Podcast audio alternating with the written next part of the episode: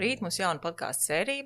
Andrejs Peredīstīs. Labrīt, Džona. Kā tev reizi? Tiekamies. Par tevi nevar teikt viesis, tu jau savā ziņā esi nama tēvs visam no, nu, šim podkāstam. Nu, jā, nu gal galā mēs divus gadus esam ēterā, pēc tā paskaitīju. Divi gadi jau? Jā. Nu, Normāli. Nu, jā, es nezinu, kā... cik daudz mums tie podkāsti ir bijuši beigās, bet nu, diezgan jau. Diezgan, jā, jā un par dažādām tēmām. Bet, okay.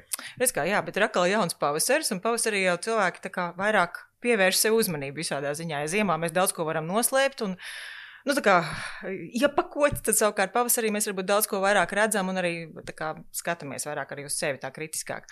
Un tā tēma, par kur mēs šodien runāsim, ir, nu, tā nemedicīniski izsakoties līkas kājas pieaugušam cilvēkam, jeb kāja deformācijas. Un, uh, kā, tas, ko es kā, nekam, centrālais, ko es gribētu saprast, vai tā ir vienkārši tāda kosmētiska tāda, nu, nepilnība, vai tā ir deformācija, kurai ir kaut kāds tālajošs seks, par kurām varbūt pat nepadomā tie cilvēki, kuriem šī problēma ir. Un droši vien mums būtu jāsāk ar to, par ko mēs īstenībā runājam. Kas ir tās uh, deformācijas kāju, kas ir pieaugušiem cilvēkiem, ko mēs varam redzēt? Gan tās apaļās kājas, gan uz iekšā. Mm, sāki vēl vispār. Es tagad vienkārši domāju, ka reāli jau tie cilvēki ir tik dažādi. Attiecīgi arī tās kāju formas. Runa vairāk ir droši vien par ceļu locītavām, jo arī tas ceļu locītavas stāvoklis arī bieži vien nosaka tās kājas formu. Dabiski mums no dabas katram ir kaut kādas savas īpatnības. Jā, kājas var būt taisnas, var būt x-veida kājas, var būt uh, tā saucamās oveida kājas, jā, kas ir nu, gan viena, gan otra varianta ir norma bieži vien, jā, teiksim, ja tas ir noteiktos kaut kādos grādos un uh, leņķos. Uh, un skaidrs, ka uh, cilvēki jau pamana dažādas nianses, un daudzi cilvēki ir absolūti apmierināti ar savu kāju anatomiju, bet ir viena neliela cilvēku daļa, kuriem teiksim, nepatīk. Viņiem liekas, ka viņiem ir pārāk daudz uz vienu vai uz otru pusi tā kāja. Un, uh, parasti viss tas ir simetriski, dabiski, ja tā ir normāla, normāla anatomija. Bet uh, mēdz būt arī situācijas, kad uh, tās, tās deformācijas rodas dažādu slimību rezultātā. Un viena no tām biežākām, nu, jau daudz reizes aprunātas artrozes ceļu locītavās, kas veicina teiksim, ceļu locītavas un, attiecīgi, arī kājas formas izmaiņas. Un, ja mēs runājam par normālām situācijām, kad cilvēkam ir vairāk X vai vairāk teiksim, oveida kājas, un, bet funkcionāli viņas ir pilnīgi normālas, nav ne sūdzība par sāpēm, cilvēks var skriet, iet un tā tālāk. Es uzskatu, ka tā situācija ir vairāk kosmētiska. Viņa nav, un tas ir katra konkrēta cilvēka teiksim, personīgā uztvere par to, kāds viņš ir. Nu, ir cilvēki, kuriem viņa ķermeņa nepatīk, ja? nu, bet tur bieži vien ir ne tik daudz traumatologam, ortopēdam, ko darīt, bet uh, droši vien arī kādam psihologam jāpalīdz un tā tālāk. Jā. Būt trenerim arī, ja ķermenis nepatīk. Biežāk tās ir sievietes, vīriešiem tas mazāk uztrauc. Jā, jā, kritiskāks ir.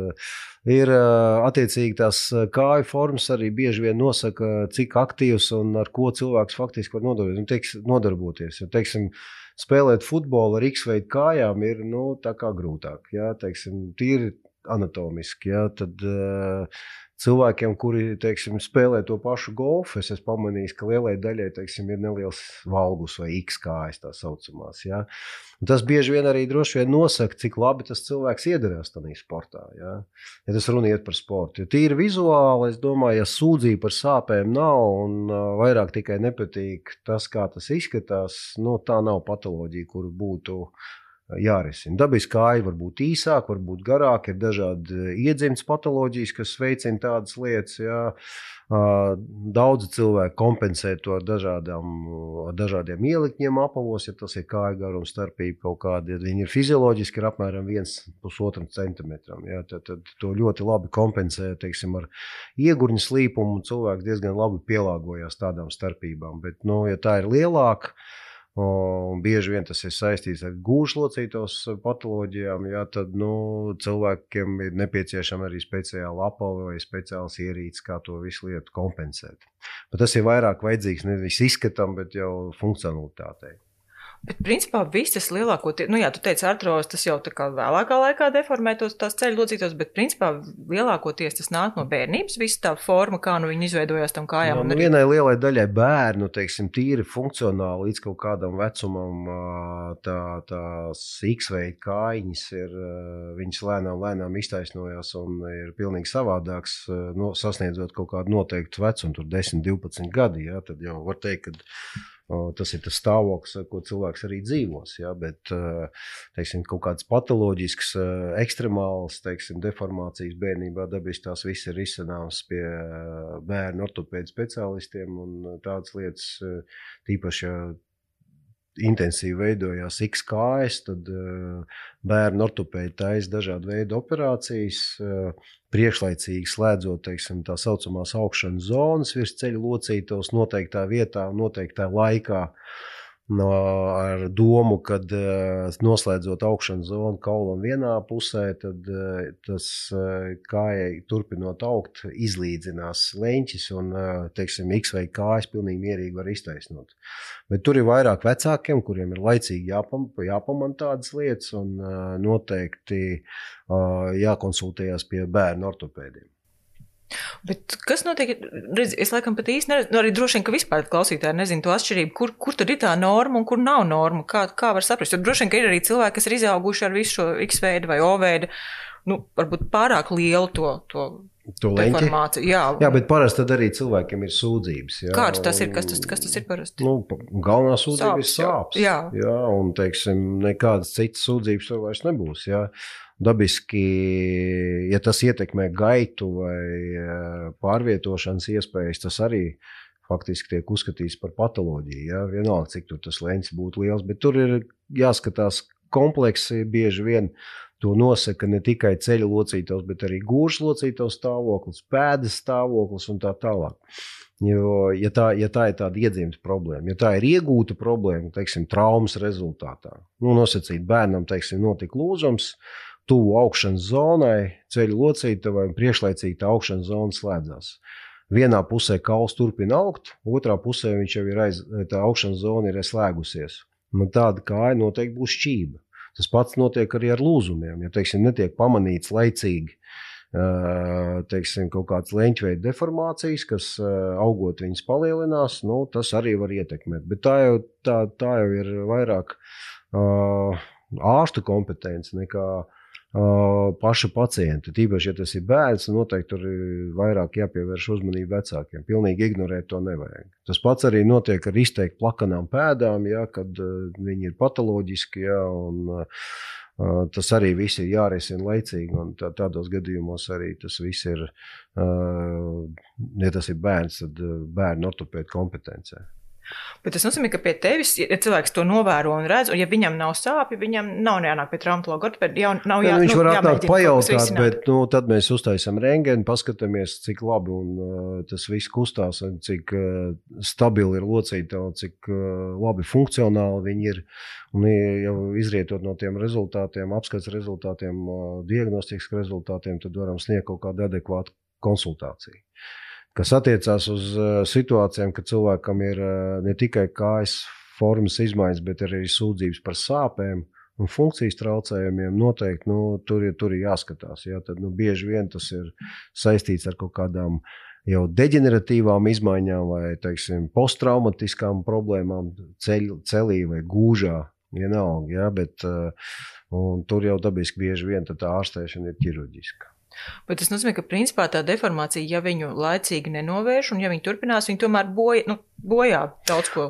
Nu, ja, kā piemērs ir celis. Ja, par, Jā. piemēram, celim uh, ir celi iedala divās tādās daļās, iekšējā un ārējā. Tad, tad ir uh, augsttilbuma ārējais augurs, iekšējais augurs, attiecīgi pretējā pusē. Uh, lielajam lielkaulam arī ir iekšējais augurs un ārējais augurs. Un, uh, cilvēkiem attīstoties deformācijai, bieži vien tā ir vienpusēja. Tas respektīvi dilst viena no nevis difūzi, viss cels.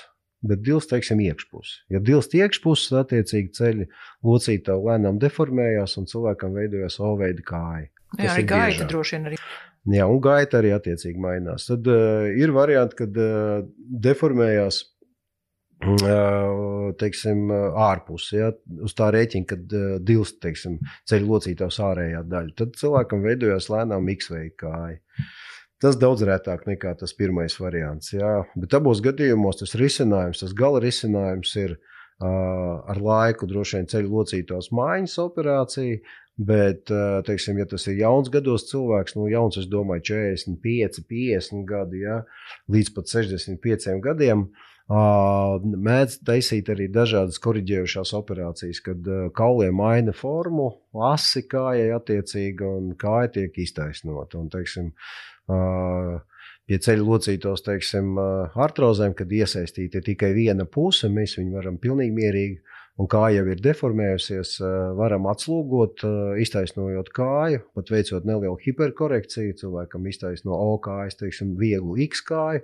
Tādā veidā mēs mazinām slodzi tai vietai ceļu locītavā, kur ir nodiluma rezultātā visu laiku pārslogot.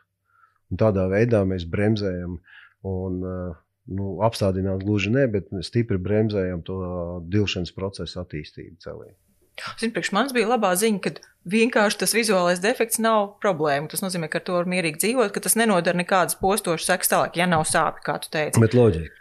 Bet, principā, es saprotu, ka vecā, tad, laikam, tas, tas galvenais vēstījums ir tas, ka laikam vecākam jāpievērš uzmanība tam bērnam, uzmanība, un jā. varbūt ir vērts varbūt kaut kādā vecumā jā. pie tā traumatologa ortopēda aiziet. Nu, teiksim, kāju forma teiksim, ir atkarīga arī no tā, kurā pasaules malā tu esi piedzimis. Kā teiksim, Japānā ir ļoti raksturīgs tas, ka sievietēm ir tā saucamās vārus kājas, kad uh, stipri izliekts uz ārā, oveida kājas, uz tā rēķina, ka viņiem ģenētiski ir. Uh, apakšstilba, lielāka aula, teiksim, vienkārši tāda forma. Nu, un, tas, tas viss arī nosaka tās kājas izskatu. Ja? Un, uh, tur, man liekas, ir diezgan populāri visādi veidi mēģinājumi, teiksim, tās kājas taisnot, jā, jā, kājas gribās taisnas un tā tālāk.